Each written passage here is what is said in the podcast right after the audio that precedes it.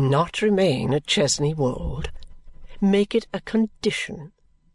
All Sir Leicester's old misgivings relative to Wat Tyler and the people in the iron districts who do nothing but turn out by torchlight come in a shower upon his head, the fine grey hair of which, as well as of his whiskers, actually stirs with indignation. "Am I to understand, sir," says Sir Leicester, "and is my Lady to understand?" He brings her in thus specially, first as a point of gallantry and next as a point of prudence, having great reliance on her sense.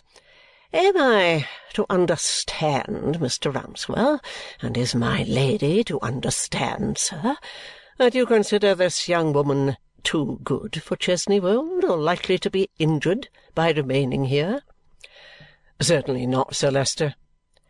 "I am glad to hear it." Sir Leicester very lofty indeed.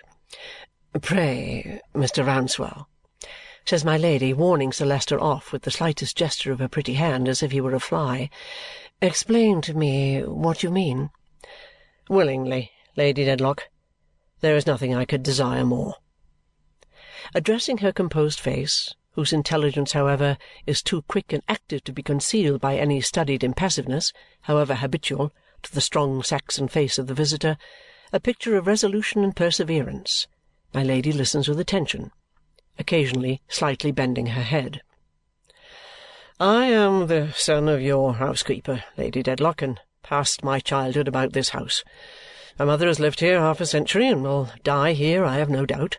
She is one of those examples, perhaps as good a one as there is, of love and attachment and fidelity in such a nation which England may well be proud of, but of which no order can appropriate the whole pride or the whole merit because such an instance bespeaks high worth on two sides on the great side assuredly, on the small one no less assuredly. Sir Leicester snorts a little to hear the law laid down in this way, but in his honour and his love of truth he freely, though silently, admits the justice of the ironmaster's proposition. Pardon me for saying what is so obvious, but I wouldn't have it hastily supposed with the least turn of his eyes towards Sir Leicester, that I am ashamed of my mother's position here, or wanting in all just respect for Chesney Wold and the family. I certainly may have desired, I certainly have desired, Lady Dedlock, that my mother should retire after so many years and end her days with me. But as I have found that to sever this strong bond would be to break her heart, I have long abandoned that idea. Sir Leicester very magnificent again at the notion of Mrs. Rouncewell being spirited off from her natural home to end her days with an ironmaster. "I have been," proceeds the visitor in a modest clear way, "an apprentice and a workman. I have lived on workmen's wages years and years, and beyond a certain point have had to educate myself.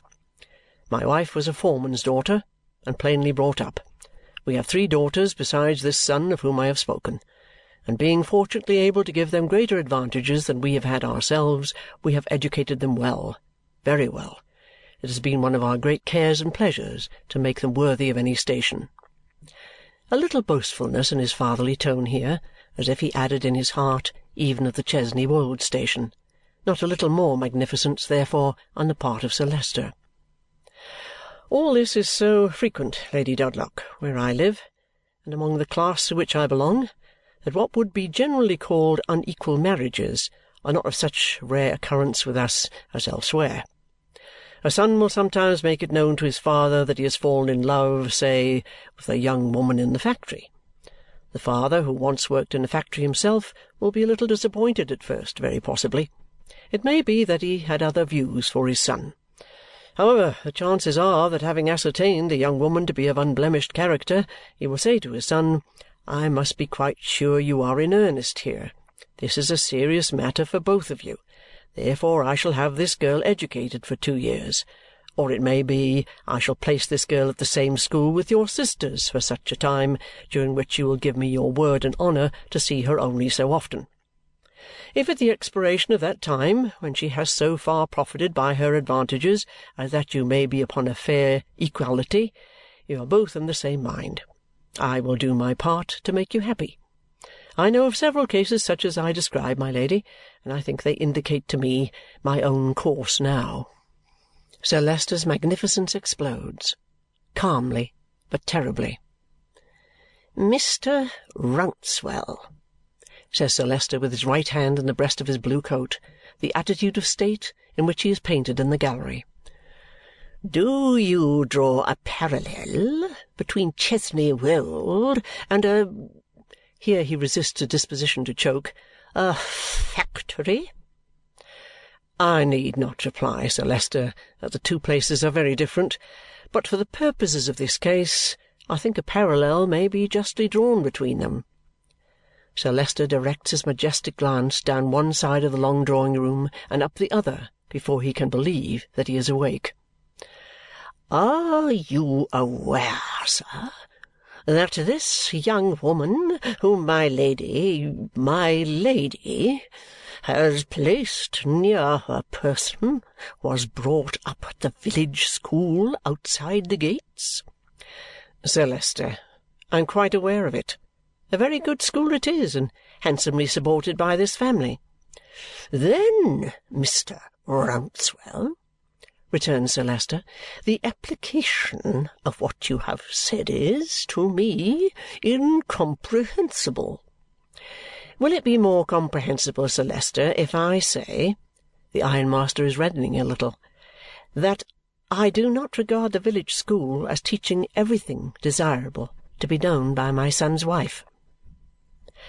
From the village school of Chesney Wold, intact as it is this minute, to the whole framework of society, from the whole framework of society to the aforesaid framework, receiving tremendous cracks in consequence of people, ironmasters, lead mistresses, and what not, not minding their catechism, and getting out of the station unto which they are called, necessarily and for ever, according to Sir Leicester's rapid logic, the first station in which they happen to find themselves, and from that to their educating other people out of THEIR stations, and so obliterating the landmarks, and opening the flood-gates, and all the rest of it, this is the swift progress of the Dedlock mind.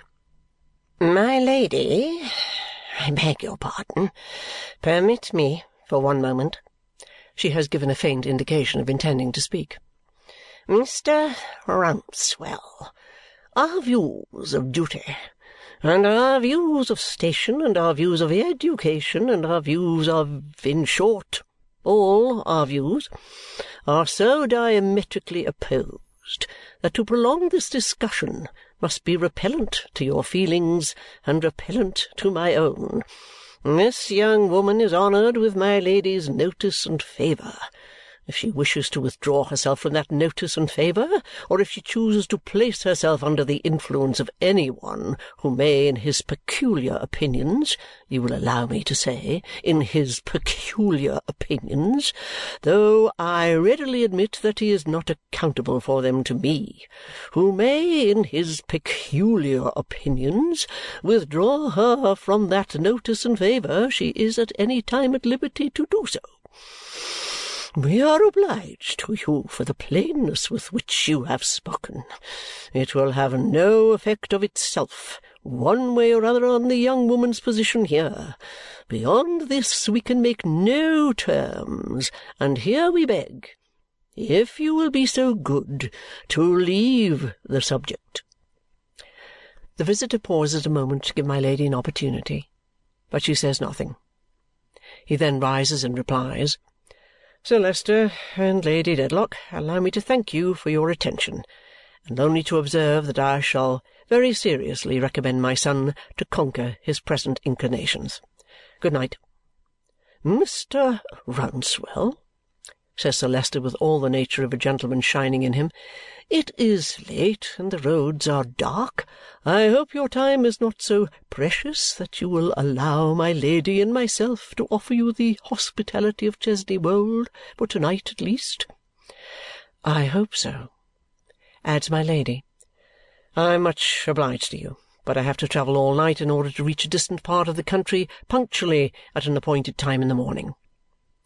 Therewith the ironmaster takes his departure, Sir Leicester ringing the bell, and my Lady rising as he leaves the room. When my Lady goes to her boudoir, she sits down thoughtfully by the fire, and, inattentive to the Ghost's Walk, looks at Rosa, writing in an inner room. Presently my Lady calls her. Come to me, child. Tell me the truth. Are you in love?" "Oh, my Lady!" My Lady, looking at the downcast and blushing face, says, smiling, "Who is it? Is it Mrs. Rouncewell's grandson?" "Yes, if you please, my Lady. But I don't know that I am in love with him yet." "Yet? You silly thing! Do you know that he loves you yet?" "I think he likes me a little, my Lady." And Rosa bursts into tears.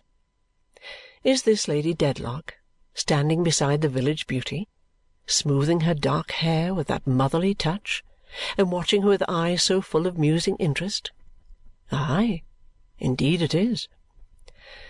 Listen to me, child. You are young and true, and I believe you are attached to me." "Oh, indeed I am, my Lady! Indeed there is nothing in the world I wouldn't do to show how much." "And I don't think you would wish to leave me just yet, Rosa, even for a lover?" "No, my Lady. Oh, no!" Rosa looks up for the first time, quite frightened at the thought. "Confide in me, my child. Don't fear me.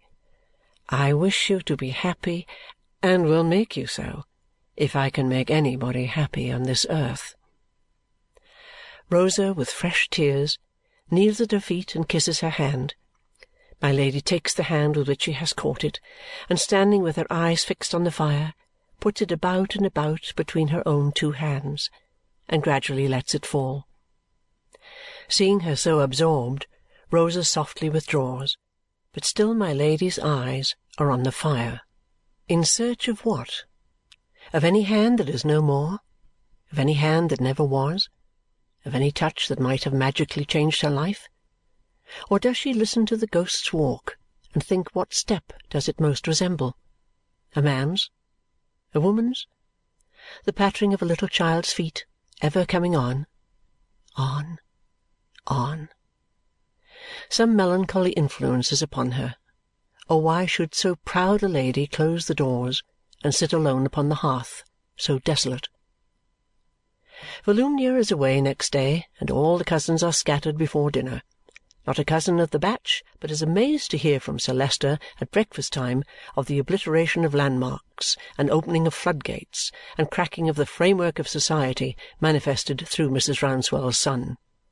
Not a cousin of the batch but is really indignant and connects it with the feebleness of William Buffy when in office and really does feel deprived of a stake in the country, or the pension list, or something, by fraud and wrong. As to Volumnia, she is handed down the great staircase by Sir Leicester, as eloquent upon the theme as if there were a general rising in the north of England to obtain her rouge pot and pearl necklace. And thus, with a clatter of maids and valets, for it is one appurtenance of their cousinship that however difficult they may find it to keep themselves, they must keep maids and valets, the cousins disperse to the four winds of heaven, and the one wintry wind that blows to-day shakes a shower from the trees near the deserted house as if all the cousins had been changed into leaves.